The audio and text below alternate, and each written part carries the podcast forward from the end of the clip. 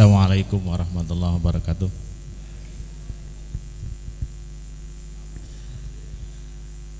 Namikula Khairul Anam Bu ya. Matur nuwun Pak Haji kita dingin sih. Uh, untuk ke pertanyaan saya awali dari pertama Buya mengatakan atau menyampaikan bahwa harta dan nyawa kita uh, ditukar ya, ditukar dengan surga gitu. Artinya kita tidak tidak terlalu mementingkan harta ataupun kita harus siap kehilangan nyawa kapan pun.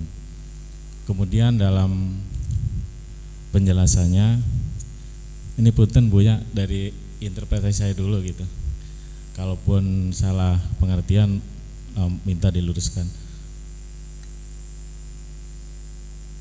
Saya melihat bahwa saya pribadi kalau begitu amalannya kena pengaruh atau godaan setan semua. Seperti saya masuk kelas kalau ada pengawas tuh rapi banget. Tapi kalau nggak ada pengawas ya apa adanya atau kita uh, misalnya kalau ada pakuwu pada rapi pakaiannya. Bakal laka pakuwu mah? Ah ujar teman saya kira itu yang mempengaruhi kinerja jelek gitu.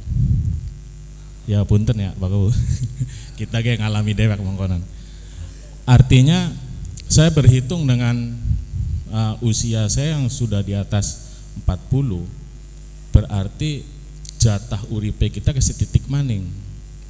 Nah, yang yang lalunya berarti amalnya katakanlah jelek semua.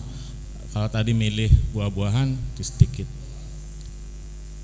Berarti yang saya pikirkan bagaimana di sisa umurku ini kira-kira beramal yang terbaik terus bisa menghindari godaan setan sebaik mungkin kayak mohon diajari apakah itu doa apa itu amalan yang bisa kita lakukan.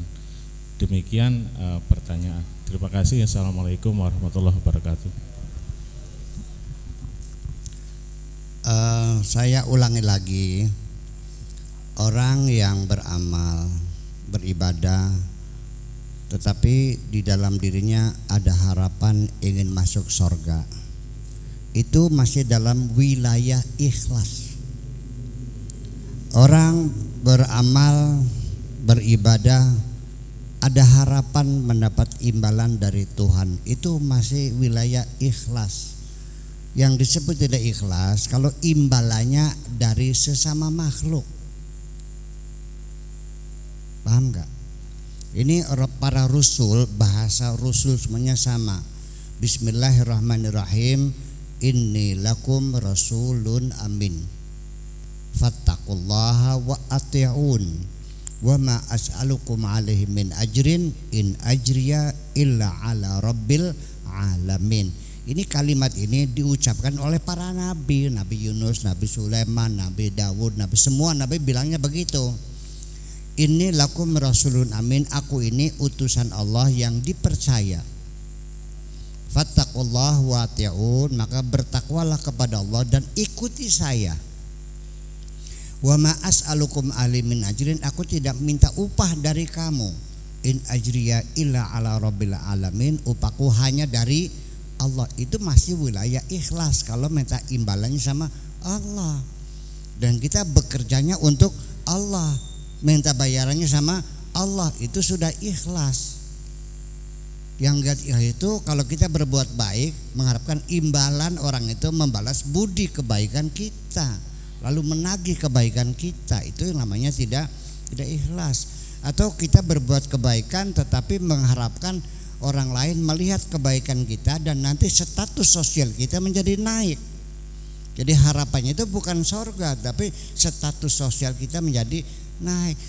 Bu orang kalau sering bagi-bagi duit sama orang miskin status sosialnya naik nggak kalau kondangan suruh duduknya di meja di kursi plastik apa di kursi mebel depan?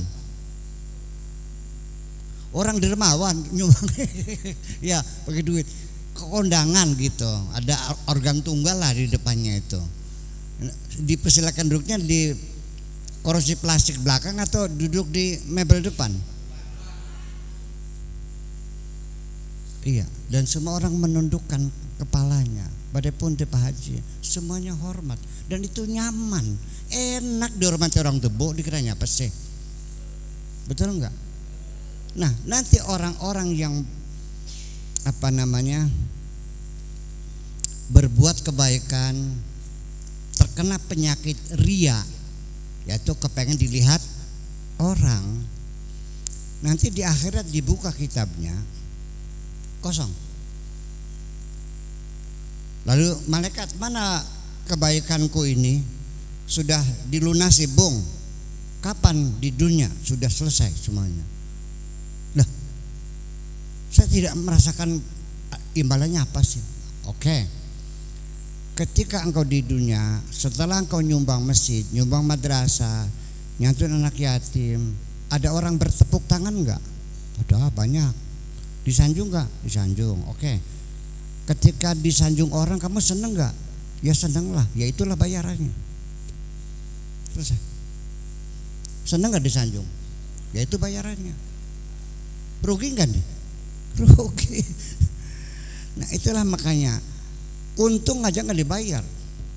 Nah kalau misalnya diklarifikasi lebih jauh lagi akidatan secara akidah. Orang yang ria itu sebetulnya apa? Orang yang sangat kurang ajar sama Allah itu artinya apa kita orang yang beragama mestinya meyakini bahwa apa pun kebaikan yang kita lakukan ini ya tidak ada keinginan untuk dipertontonkan kepada siapa pun dan bukan untuk mencari status sosial, bukan mencari sanjungan. Dia akan mengatakan sesuai dengan firman Tuhan, wa kafa billahi syahida. Cukup Allah saja yang menyaksikan.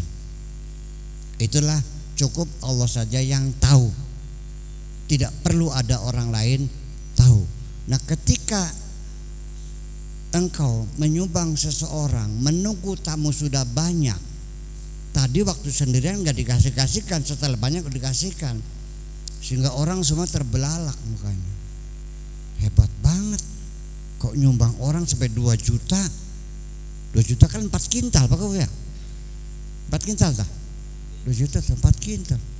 Anda tersanjung.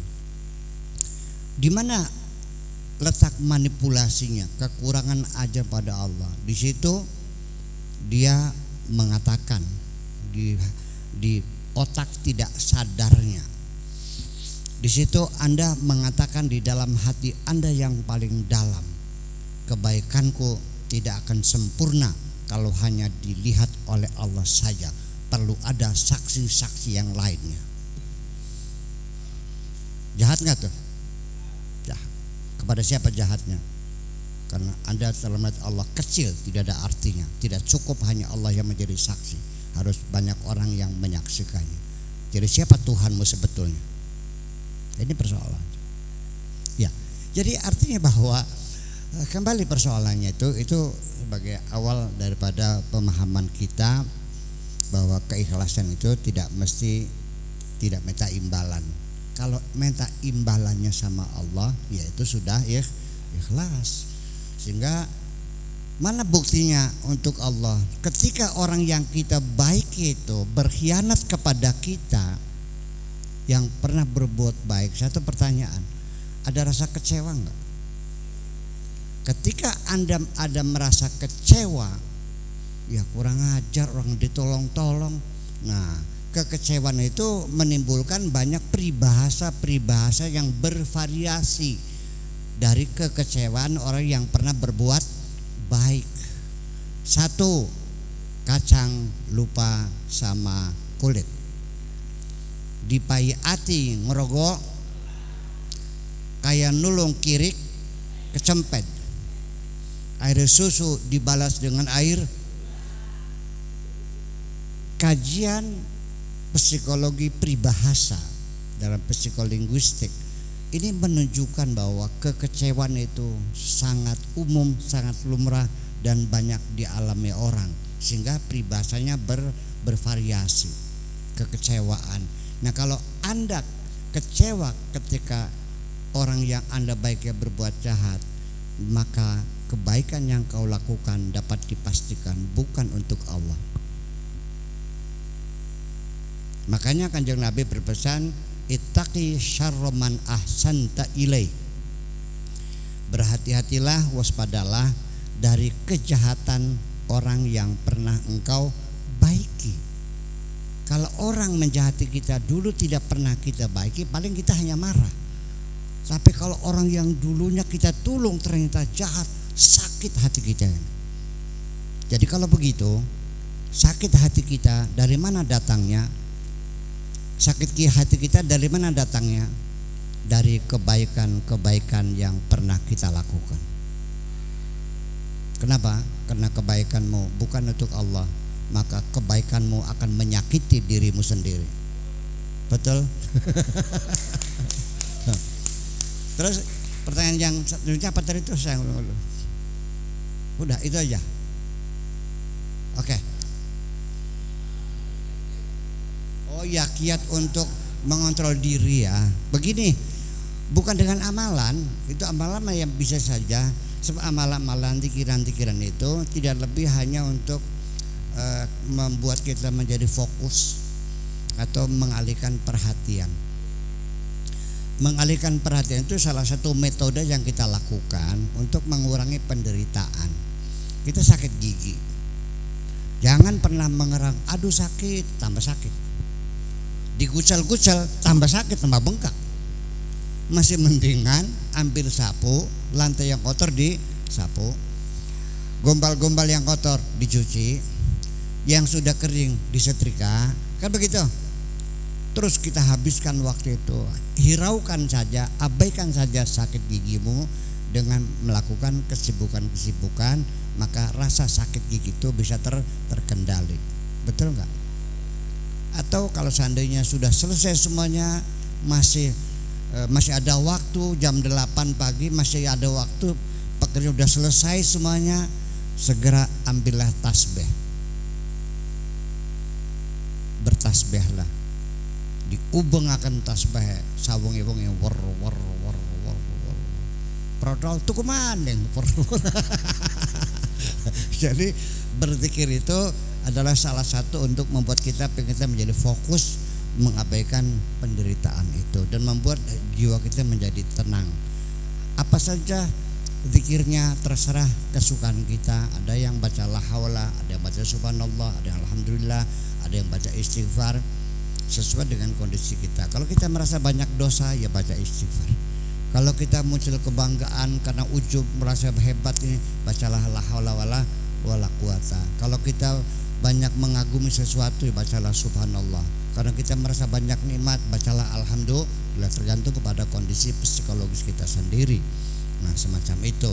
Adapun nanti yang mengontrol kita itu langkah-langkahnya itu secara terminologi itu namanya muraqabah kontrol ya. Artinya self correction mengontrol di namanya muraqabah murokobah.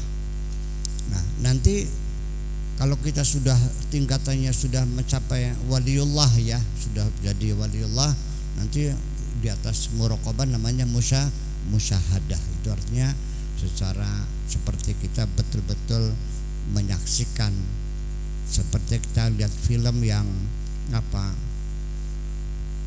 uh, apa namanya itu 4K ya yang sudah 4K sudah sampai bulu romanya kelihatan gitu. Semua kelakuan kita terlihat dengan jelas semua. Itu, itu sudah musyahadah